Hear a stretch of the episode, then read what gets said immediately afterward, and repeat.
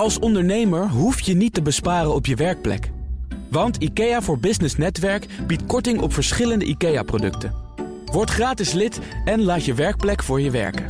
IKEA, een wereld aan ideeën. Buffers leegtrekken voordat ze weer overheidssteun verdienen. Dat en meer bespreek ik in het ondernemerspanel, bestaande uit Arco van Brakel, directeur van de Cleantech Regio, ondernemer en ook auteur van het boek Ondernemen met Impact. Boris Veldhuizen van Zanten, oprichter van de Next Web. En mijn zakenpartner van vandaag is Lizzie Dorenwaard, onder andere toezichthouder bij Staatsbosbeheer in de NPO. Welkom allen. Dankjewel. En uh, laten we beginnen bij jullie eigen nieuws. We werken toen naar iets leuks hoor. Maar Boris, jij wil het ook hebben over economische malaise. Uh, in Nederland, in Amsterdam, horeca-ondernemers, waar dan ook. Ja, ja, ik hoorde echt wel een. Het, het, het, is heel wisselend. Hè? Dus soms spreek je mensen die denken. Nou, het gaat eigenlijk wel. Wat merk je er nou van? En uh, vorige week sprak ik iemand en die zei: Ja, we hebben de aardbeving overleefd, maar de tsunami komt nog. En dat werd toen nog eens bevestigd door een statistiek die ik hoorde van iemand die zei: uh, acht van de tien horeca-ondernemers in Amsterdam gaan het einde van het jaar niet halen. En dat was zo'n moment dat ik dacht: oh ja, dat is. Dan snap je opeens eigenlijk wat, wat er nog te wachten staat. En nu denk je: oh ja, het is wat rustiger. En oh, wat leuk, ze zijn allemaal terrasjes buiten aan het zetten. Maar ik denk dat het toch soms wel goed is om je even te realiseren dat we een soort in de stilte voor de storm of ja, de aankomende tsunami zitten. En wat moet er gebeuren om die storm een beetje tot bedaren te brengen, nog voordat die goed en wel uh, uitbarst? Want ik begrijp dat de horecabranche, Koninklijke Horeca Nederland, weer van zich heeft laten horen. We hebben ja. hier ook een lobbypanel elke week. En er zijn ook lobbyisten die zeggen: jongens, alsjeblieft niet elke dag met een nieuwe maatregel of een nieuwe juridische stap. Maar dat hebben ze nu toch weer gedaan. Hè? Ja. Ze gaan naar de rechter om verdere versoepeling af te dwingen. Zeker op het terras, zeker buiten. Uh, is dat dan wat er moet gebeuren? Of, of moet je gewoon accepteren? Nou, ja, dames en heren. Ja, kijk, kijk, ook dan. Dus uh, misschien, kijk, even los van of dat medisch gezien natuurlijk verstandig is, want dat weet ik niet. Maar stel je voor dat ze dat doorkrijgen, dan kun je nog afvragen: zijn mensen comfortabel? Zijn voldoende mensen comfortabel om in een druk café te gaan staan of zelfs op een niet druk terras te gaan zitten? Sowieso wordt het minder. En de marges in de horeca zijn nou eenmaal niet zo spectaculair dat ze denken: nou, dat kunnen we wel uitzitten. Dus Kijk, als, als, stel je voor dat ze dit erdoor krijgen en dan straks zijn het niet acht van de tien, maar vijf van de tien. Ook dat is even een, een statistiek die vrij shocking is. Hè? Dus als je zelf denkt, wat zijn mijn tien favoriete uh, bars, cafés, restaurants? Nou, dan kan je dan straks dus de helft van afstrepen. Maar jij rekent buiten Lizzie. Want Lizzie, jij houdt er een ritme op na hè, om de economie draaiende te houden. Nou, nee, maar ik, dat is wel een van je uitgangspunten ja, de afgelopen weken. Ik ga veel naar restaurants, veel naar uh, coffeeshops. Ik probeer wel mijn geld te laten rollen. um, ik was afgelopen zondag in Amsterdam. En daar zag ik wel uh, drukte. Um, zelfs in de Kalverstraat was het echt wel te druk eigenlijk. Om, om ja. echt afstand te kunnen houden. Uh, maar ook de terrassen. En ik, ik zat in een volle restaurant. Er waren geen plekjes meer. Uh, ja. Nee, ik herken dat hoor. Maar dus een, een, een bruin café. Ik heb het idee dat het, wat, dat het wat spreidt. Dus ik was in de restaurants op maandagavond, dinsdagavond. En zat het gewoon vol. Terwijl vroeger het op die avonden niet vol zat. Maar vol is betrekkelijk. Hè? Dus ik ken een bruin café. Ja. En, en die houden zich aan de, de regels. En dan was het best druk. Maar dan zeiden ja, best druk. Dan draai ik nog steeds op 35% van wat ik vroeger draaide. En ik doe het beter dan al mijn collega's. Ja. Dus, en je hebt gelijk natuurlijk. Ga naar je lokale café en restaurant en, en geef zoveel mogelijk geld uit. Dat probeer ik ook te doen. Maar goed, ook een goed draaiend café nu draait dus ja, niet te vergelijken met vroeger. Terwijl de kosten, het is niet zo dat de huur ook gehalveerd is of zo. Nee. Of 35% van vroeger. Nee. Of de loonkosten. De drank is wel duurder geworden. je daar wel... Uh, ja, ik zag vandaag inderdaad ergens op een kaart. Toen dacht ik, hé, hey, grappig. Alle dingen op de kaart zijn precies 1 euro duurder. Nou ja, maar ja, dat is dan 5 of 10 procent uh, misschien ja. op een krasantje. Maar ja, dat helpt. Arco? Trouwens, Ah, ik denk wel dat we, dat we misschien toch wel, je noemt een belangrijk punt, de kosten lopen door. Ik denk dat wel vastgoedeigenaren hier toch wel even een, uh, ook een rol hebben. Uh, want die houden in heel veel gevallen nog steeds hun, hun huren op hoog niveau. Ondanks dat dat gevraagd is niet te doen. En daar zou je elkaar enorm kunnen helpen. Want ook een vastgoedeigenaar is niet gebaat bij leegstand op langere termijn. En ondanks dat er om hulp gevraagd is en de vastgoedsector ook wel iets heeft gedaan, hoor ik nog te vaak dat daar voor winkeliers en voor andere bedrijven de, toch wel de pijn zit. Hm. Maar hoe vind je dat dat dan zou moeten? Want, uh, want verschuif je daarmee de rekening of zeg je we moeten het samen ophoesten? Wat is jouw idee daarbij dan? Ja, ik denk dat je het samen moet ophoesten. Je hebt er allemaal belang bij als, als deze zaak, als deze horeca, de uh, ondernemers en, en de winkels in de winkelstraat blijven. Want als, alles, als er nog meer leegstand komt in de steden, dan verpaupert zo'n stad. En dat is gewoon dat, dat is slecht voor iedereen. Dus ik denk dat we daar een gezamenlijk belang hebben. Ja, ook daar heb ik toch slecht nieuws. Omdat de, de vastgoedmensen die ik heb gesproken, die zeggen die, die, die denken op, toch op een andere manier. En die zeggen in Amsterdam is er altijd veel verloop geweest. En als er acht van de tien het niet uh, halen, zijn er altijd tien gekken of acht gekken die het opnieuw willen proberen. Dus die, uh, ze zijn nog niet zo heel toeschietelijk in, uh, in meedenken, laten we het zo zeggen. Hey, en Boris, het hoeft niet tot achter de komma, maar je hebt zelf natuurlijk ook een bedrijf. voor een belangrijk deel draait het ook om conferenties, grote conferenties. jullie waren er heel snel bij toen je zag van hé, hey, dat wordt ingewikkeld op de datum die we voor ogen hadden. Ja. Verschoven naar oktober. Ja. Midden in de tweede golf. Laten we hopen van niet. Nee, inderdaad, verschoven naar oktober. En dat is misschien achteraf gezien nog steeds uh, optimistisch. Hè? Dus ik, ik zie ons niet een conferentie organiseren met 20.000 bezoekers die schouder en schouder uh, op stoelen zitten te luisteren naar sprekers op het podium die van over de hele wereld naar ons toe reizen. Dat is gewoon niet realistisch. En wat zie je wel? Uh, nou, kleinere bijeenkomsten, 20 of 30 mensen. Uh, meer verspreid over een stad uh, en veel meer online. Dus wij zijn heel erg aan het pushen naar, ja, we noemen dat couch conferences. Hè, dus een conference waar je op je couch van kan genieten. En daar hebben we er nu vijf of zes van gedaan. Die gaan heel erg goed. Maar goed, dat is niet dat maak je niet één op één goed wat je verliest. Arco, uh, ja, jij zal ja. maar directeur zijn van de cleantech-regio. Dat betekent dat je natuurlijk ook helemaal in de Green Deal zit... en in de waterstoffondsen, ja. de waterstoftransitie. Frans Timmermans heeft daar het een en ander over bekendgemaakt. Uh, ik denk dat het ook heel erg aansluit bij de interesses van mijn zakenpartner Lizzie. Um, maar laat ik eerst aan jou vragen. Het waterstoffonds van Frans Timmermans... dat gaat echt over honderden miljarden... en een verzesvoudiging van waterstof dat we nu gebruiken. Uh, kun je het nog even heel kort schetsen? Ja, nou ja, wat hij gewoon zegt, en dat is denk ik uh, op zich een hele goede zet, is dat we een enorme klap kunnen maken in de verduurzaming van onze economie. Als we bepaalde sectoren, de grote industrie, het grote transport, uh, in plaats van op aardgas en, en, en vieze olie, uh, over kunnen zetten op, op waterstofgas. En daar wil, die, wil Timmermans heel veel geld voor vrijmaken. wat denk ik net de, de lucht biedt om het rendabel te maken voor ondernemingen om die stap ook te maken. Dus ik denk dat het een hele goede zet is. Ja, dan wordt het dus rendabel um, met behulp van tamelijk veel ja. subsidie. Ja, maar goed, het is een vorm van infrastructuur hè, die moet worden aangelegd. Ik denk dat hier echt een overheid ook echt voor nodig heeft om hier ook een impuls aan te geven. Want we hebben natuurlijk uh, een infrastructuur liggen die voor hele andere uh, energiebronnen en energiedragers geschikt is. Um, het enige is wel, je moet wel zorgen dat je die waterstof A uh, duurzaam opwekt. Dat is een hele belangrijke. En we moeten niet vergeten dat waterstof een energiedrager is. Hè. Je kunt het niet één op één vergelijken met aardgas. Want we moeten de waterstof wel produceren. Ja. Nou, hoe je dat dan gaat doen, dat is weer een andere vraag. Maar, nee, maar dat, Arco, dat zijn wel hele belangrijke vragen. Want, want uh, jij zegt zelf al terecht aardgas hè, en, en andere bronnen waar die waterstof dan uiteindelijk van gemaakt wordt. En dat uh, kun je onderverdelen in alle kleuren van de regenboog. Een van die kleuren is dan blauw. En dan wordt het uh, gemaakt, die waterstof, van aardgas. En ja. Timmermans heeft nu volgens mij gezegd: op weg naar onze grote ambities moeten we daar onze neus niet voor ophalen. Dat blijft belangrijk. Maar de echte critici ja. die zeggen: ja, wat, wat, is nou waterstof als je er aardgas ja. voor nodig hebt? Nou, daar ben ik het eigenlijk wel mee eens. Uh, ik denk dat dat echt. Uh, A, het is niet efficiënt.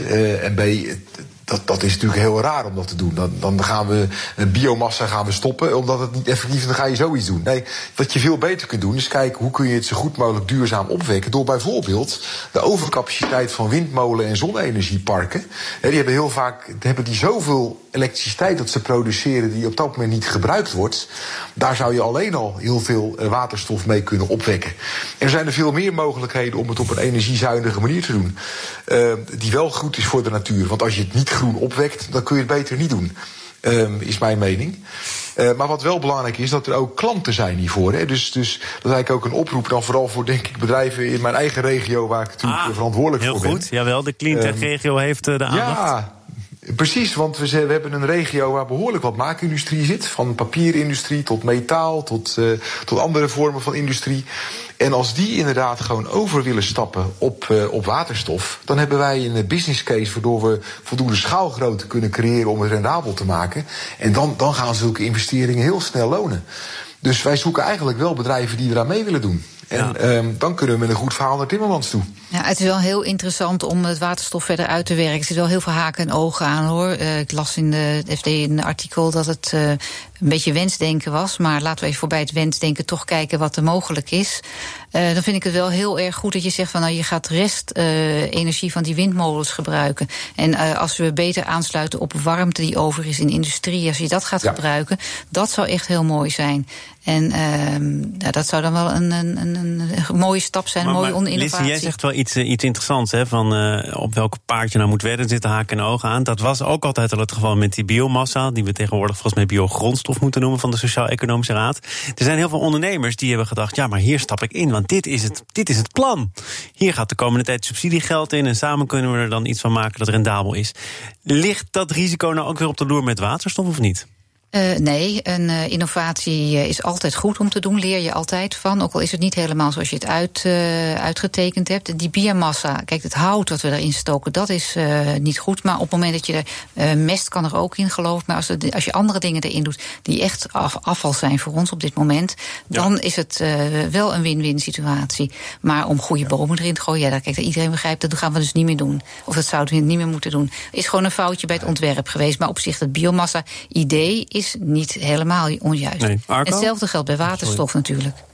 Ik had het idee ja, dat nee, ik ben het helemaal mee eens. Ja, dat klopt. Nee, ik ben het helemaal mee eens. Want uh, kijk, het is heel raar om bossen te gaan, gaan kappen om, om, om biomassa te maken. Dat moet je niet doen. Maar ook dat verhaal is inderdaad genuanceerder. Er is heel veel biomassa wel geschikt om uh, energie en warmte mee te creëren. En die, dat moeten we denk ik vooral blijven doen. Maar je moet het niet aan de natuur of aan de voedselketen onttrekken. Want dan ga je natuurlijk hele vreemde dingen krijgen in de wereld. Maar wat mij wel een beetje stoort soms aan een discussie ook over waterstof. Er wordt er gezegd over rendabel. Dat je misschien energie verliest en andere dingen. Maar als je ziet hoeveel energie er verloren wordt om een liter diesel te produceren. Ik geloof dat er, voordat je het in jouw auto stopt, dat je al bijna 80% van de energie kwijt bent.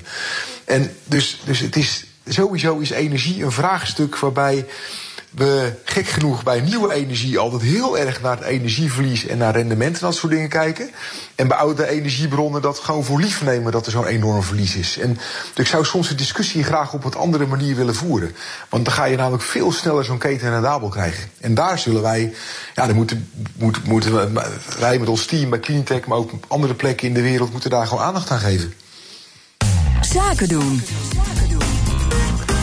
Arco van Brakel is lid van het ondernemerspanel vandaag. Directeur van de Cleantech Regio, ondernemer en ook auteur van het boek Ondernemen met Impact. Boris Veldhuizen van Zanten, oprichter van de Nextweb. En mijn zakenpartner is Lizzie Dorenwaard, toezichthouder bij Staatsbosbeheer en NPO. En uh, over aandacht gesproken. Uh, als er één bedrijf veel aandacht heeft gehad de afgelopen dagen, dan is het wel Twitter. Vanwege een uh, grootse hack. accounts van beroemde mensen zoals Joe Biden, Jeff Bezos, Bill Gates hebben allemaal gepost dat het de tijd werd om bitcoins te, te storten ja. en, en geld ja, over te maken ze zei, als je duizend dollar stort, dan uh, storten wij 1000 dollar bij. Ja. En dan krijg je het verschil, ja. hey, maar jij hebt Twitter nog net niet uitgevonden. Veel scheelt het niet. Jij was een van de eerste ja, gebruikers. heel veel te veel credits, maar ik was er vroeg bij. Ja, ja. ja. ja. Um, jij hebt ook gewoon zo'n zo'n uh, geverifieerd uh, blauw vinkje. Ja, klopt. Ja, ja. ja. Ik heb niet gemerkt dat ik daar niet mee mocht tweeten. Maar ik geloof dat het ook maar een uurtje was. Dat ze, oh. die, want ze hadden inderdaad dus uitgezet dat geverifieerde gebruikers konden tweeten. terwijl ze aan het uitzoeken waren wat er nou precies gebeurd was. En het, het heet een hack, maar dan veronderstellen mensen een soort ingewikkeld technisch uh, proces. Uh, maar dat was het niet. Hè. Het is uh, eigenlijk social engineering, wat ook een soort hacking is. Waarbij je dus mensen voor de gek houdt, soms gewoon via de telefoon en een wachtwoord ontfutselt. En het smeuïge hier is dat ze misschien zelfs denken dat er iemand een payoff heeft geaccepteerd. Dus eigenlijk betaald is om toegang te geven tot het interne systeem. Iemand is dan een medewerker? Een medewerker, ja, precies. Dus het is duidelijk. Kijk, het is sowieso al duidelijk dat de hackers toegang hebben gekregen via medewerkers tot de interne tool. Waarmee je uh, van accounts het e-mailadres kan wijzigen. Dat hebben ze gedaan. Als je dat kan, dan kun je via die e-mail kun je uh, soorten extra beveiligingsfuncties uitzetten en tweeten op die account. En wat, ze, wat Twitter nog niet toe durft te geven, maar iedereen wel verwacht, is dat je eigenlijk nog veel meer kan. Dat je bijvoorbeeld alle uh, private communication, alle DM's Oh. ook kan lezen, kan lezen van die mensen. En dat is natuurlijk smeug. Ze hebben eh, Apple ook, ja, Bill Gates, eh, Elon Musk inderdaad. Dus het is heel interessant of in de komende dagen, weken, nou ja, misschien smeuige content uit die DM's eh, gaat. Had, had Twitter hier nou meer aan kunnen doen? Want ik, ik kwam alweer berichten tegen. Ja, het blijkt maar weer eens. De mens is de zwakste schakel. Ja, Ja. dat Ja. geldt in ieder bedrijf natuurlijk. Eh, kun, je, kun je je medewerkers aan een touwtje binden? Wat, wat kun je doen? Het is heel ingewikkeld, ja. Want uiteindelijk heb je als bedrijf natuurlijk. Ja, je vertrouwt je medewerkers. En een aantal daarvan zullen toch toegang moeten hebben tot gevoelige systemen. eh, al was het maar om al die geveri- geverifieerde gebruikers, en dat zijn er miljoenen, te kunnen helpen. Als er iets is, moet je toch kunnen helpen. Dus over het algemeen hebben helpdesk-medewerkers toegang tot je gegevens. Ja, dat hoort er nou eenmaal bij. En eh, er is dus moeilijk iets op te plannen. Het is interessant, ik denk, eh, het is natuurlijk interessant om na te denken, wat had Twitter eraan kunnen doen? En dan kun je nadenken, hoe, hoe zitten mijn systemen eigenlijk in elkaar? Heb je dat meteen bedacht? Nou, daar sta ik wel bij stil, ja. Dus het, eh, het is natuurlijk interessant. Eh, Een bedrijf hangt echt aan vertrouwen aan elkaar.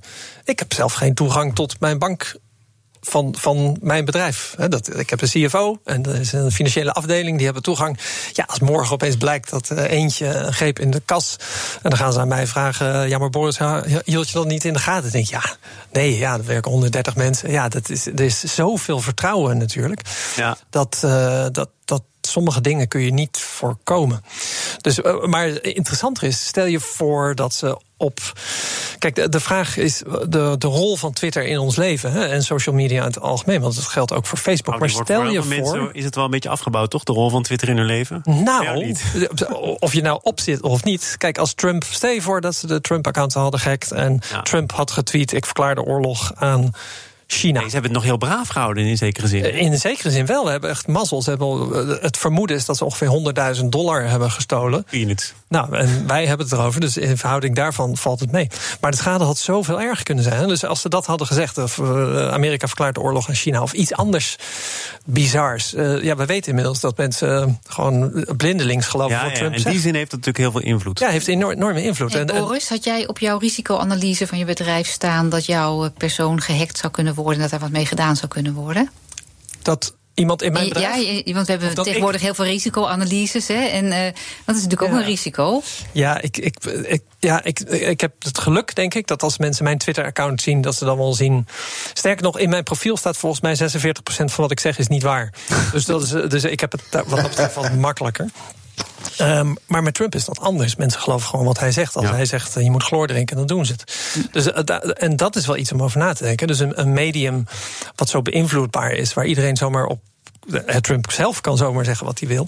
Maar als je ook weet van ja, misschien zegt hij zelf het nog niet eens. En je weet dat mensen dat blindelings geloven. Dat is vooral zorgwekkend. Ik ga even naar die andere internetpionier, lid van dit panel, Arco. Wie Mhm. valt hier nog iets te verwijten? Of, of hoort dit er nou helaas bij? Ja, ik vind het lastig. Kijk, ik denk wel dat Twitter, eh, als ze zo de mieter aan het werk moet om zijn zaakjes op orde te krijgen. Want het kan natuurlijk, ah, ja. Ik, ik snap ook dat het mensenwerk is. Ik snap ook, ik ben het ook eens met Boris. Maar uiteindelijk moeten ze hier toch een oplossing voor vinden. Anders is het hun eigen ondergang. Eh, ik denk ze vooral nog bestaan dankzij mensen als Trump in alle eerlijkheid. Ehm, maar ehm, ja, weet je. We zitten in een wereld waar gewoon veiligheid eh, inderdaad een issue is. En het heeft per definitie te maken met menselijk gedrag.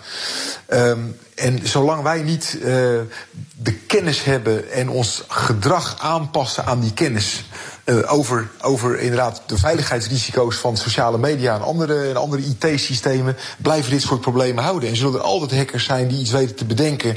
waar ze weer eh, mensen mee kunnen pakken of kunnen frauderen. Ik- Maar, maar, maar Boris zegt toch ook, bedrijven hangen nou eenmaal van vertrouwen aan elkaar. En daar is ook veel voor te zeggen. Misschien moet je dat ook blijven koesteren. En, en kan het ook niet anders. Dus, dus wat, wat moet Twitter dan bijvoorbeeld doen? Ze moeten hier als een gek mee aan het werk. En dan? Dan zullen er nog altijd mensen zijn die dingen weten die potentieel gevoelig zijn. Ja, klopt. En dat, dat kun je gewoon niet voorkomen. Ehm, ik heb ooit heel lang geleden heb ik, ben ik trainee geweest bij PTT Telecom toen nog in 1993. Dat is lang geleden. Waren dat is heel lang geleden. Maar een hele mooie uitspraak van Ben Verwaaien, die nog steeds actueel is, eh, eh, wou ik even naar voren halen. Men vroeg, was, waren toen problemen, draadloze telefoons waarmee je op, op een ander zijn rekening kon bellen. Toen vroegen ze, ja, maar meneer Verwaaien, kunnen we niet een veilig, een 100% veilig telefoonnetwerk maken? En toen zei Ben Verwaaien, ja, dat kan wel. Maar als het 100% veilig is, dan kunnen u en ik niet meer met elkaar bellen. nou, dat is het hele idee van, van sociale media, van het internet, van het telefoonnetwerk. Zodra je kunt communiceren, is het in principe gewoon niet helemaal veilig. Ja. We zeiden net, Twitter moet uh, wat veranderen. Maar volgens mij kunnen wij er zelf ook een les uit uh, halen. Want ook ja. wij zien nu hoe kwetsbaar wij zijn. Als je uh, bekende CEO's hebt. dat is toch echt wel een risico als zomaar jouw account gehackt kan worden. Die vraag die je net stelde, Boris. Um, ik denk dat we veel bewuster moeten zijn van dit soort hacks, ook al is het niet echt een hack. Um, en wat het kan, voor invloed kan hebben op jouw bedrijf en uh, communicatie naar jouw klanten toe. Ik, daar hebben we volgens mij nog nooit bij stil, zelden bij stilgestaan. Te weinig. te weinig. Ja, daar is het ja. wel tijd voor. Ja. Ja. Jij bent volgens mij de enige hier, Lizzie, die niet op Twitter zit. Uh, ik, nee, ik heb een heel klein Twitter-account. Ik geloof in totaal 50 keer getwitterd uh, ah, okay. afgelopen nee, jaar. Omdat, omdat ik uh, Arco net hoorde zeggen... de enige reden dat Twitter nog bestaat is Trump. Maar 21 minuten geleden, Arco, heb jij nog getweet... dat je nu op de radio ja, bent. Dus ja, je draagt er zelf ja, ook aan bij. Ja, Trump ik draag er zelf aan bij. Het is het snelste medium, vind ik. Maar ik moet heel eerlijk zeggen... dat het een paar jaar geleden was het mijn belangrijkste kanaal... Maar dat is echt niet meer zo. Ik vind, uh, voor mij is LinkedIn vele malen effectiever inmiddels. Je bent grote TikTok zeggen. ook? ja, maar dat doe ik wel een andere naam, uh, Boris. Dus dat, uh, ja. Nee, het is... Uh, het, ik, ik heb het idee dat Twitter niet, het, niet meer het medium is... waar je mainstream het meeste resultaat mee kijken als, als doorsnee ondernemer, doorsnee Nederlander. En dat, dat vind ik wel jammer, want de snelheid van het medium was wel echt leuk. Uh, dus ik, ik mis het soms wel een klein beetje. Maar er zijn andere media die nu effectiever zijn. Ja, je hebt wel een punt hoor. Dus Instagram is voor veel mensen toch belangrijker. Ja. En Facebook trouwens ook. Oh, ik denk dat vroeger was het. En radio staat met stip bovenaan. Ja, nee. We gaan, we gaan we een leegloop zien van Twitter. Uh, bedrijven die denken, nou, hier hoef ik niet meer te zijn. Uh, Trump heeft volgens mij gezegd, ik blijf dus twitteren. Uh, maar, maar wordt het heroverwogen? Nee, ik denk dat daar het, het deze crisis helaas te klein voor, voor is. Of niet helaas. Ik denk dat deze crisis was eigenlijk. De schade is beperkt. En het probleem is heel menselijk. Ik denk ieder bedrijf die dit bekijkt, die denkt ja. Ja, inderdaad, dat kan gebeuren. Ja, wat, ja. wat had je hier aan kunnen doen? Dus ik, ik maak me daar niet zorgen over. Ik denk wel dat in het algemeen social media onder druk staat. We kijken allemaal kritischer naar Facebook, allemaal kritischer naar Twitter en Instagram. Eigenlijk naar alles. En we blijven het ook allemaal gebruiken. En we, ja, ik merk toch wel dat Facebook bijvoorbeeld, zie je wel echt onder de influentials, zie je dat dat ja, terugloopt. En, en zie je dat dan weer niet uh, kanaliseren met Instagram, dat dan weer. Uh groter wordt? Dus Instagram wordt weer ietsje groter. Maar goed, het is weer zo'n andere dynamiek. Ja. Dat je kunt niet zeggen: ik verhuis van het een naar het ander en bereik dezelfde resultaten. Het is een heel andere, andere ballgame. Wij gaan verhuizen van on-air naar off-air. Helaas, het is niet anders. Dank voor jullie bijdrage aan het ondernemerspanel. Arco van Brakel, directeur van de Cleantech Regio. Meld je als je interesse hebt in waterstof, want hij zoekt nog wat ondernemers. Hij is ook auteur van het boek Ondernemen met Impact. Boris Veldhuizen van Zanten, oprichter van de Next Web en een van de eerste Twitteraars wereldwijd. En mijn zakenpartner was vandaag Lizzie Dorenwaard, toezichthouder, toezichthouder bij Staatsbosbeheer en de NPO. Fijn dat je er was. Ja. Maandag dan is er weer een nieuwe uitzending van BNR Zaken doen. Dan is Erik-Jan Mares hier te gast. Hij is de topman van Zeeman, waar de coronapandemie grote slachtoffers maakt in de Nederlandse winkelstraten. Lijkt de discounter immuun voor het virus. Wat erachter zit, dat hoor je maandag in BNR Zaken doen. Zometeen eerst Nieuwsroom, onze dagelijkse podcast, gemaakt door de collega's van het FD en BNR. Gepresenteerd door Mark Beekhuis. Goed weekend, tot maandag. Als ondernemer hoef je niet te besparen op je werkplek. Want IKEA voor Business Netwerk biedt korting op verschillende IKEA-producten. Word gratis lid en laat je werkplek voor je werken. IKEA, een wereld aan ideeën.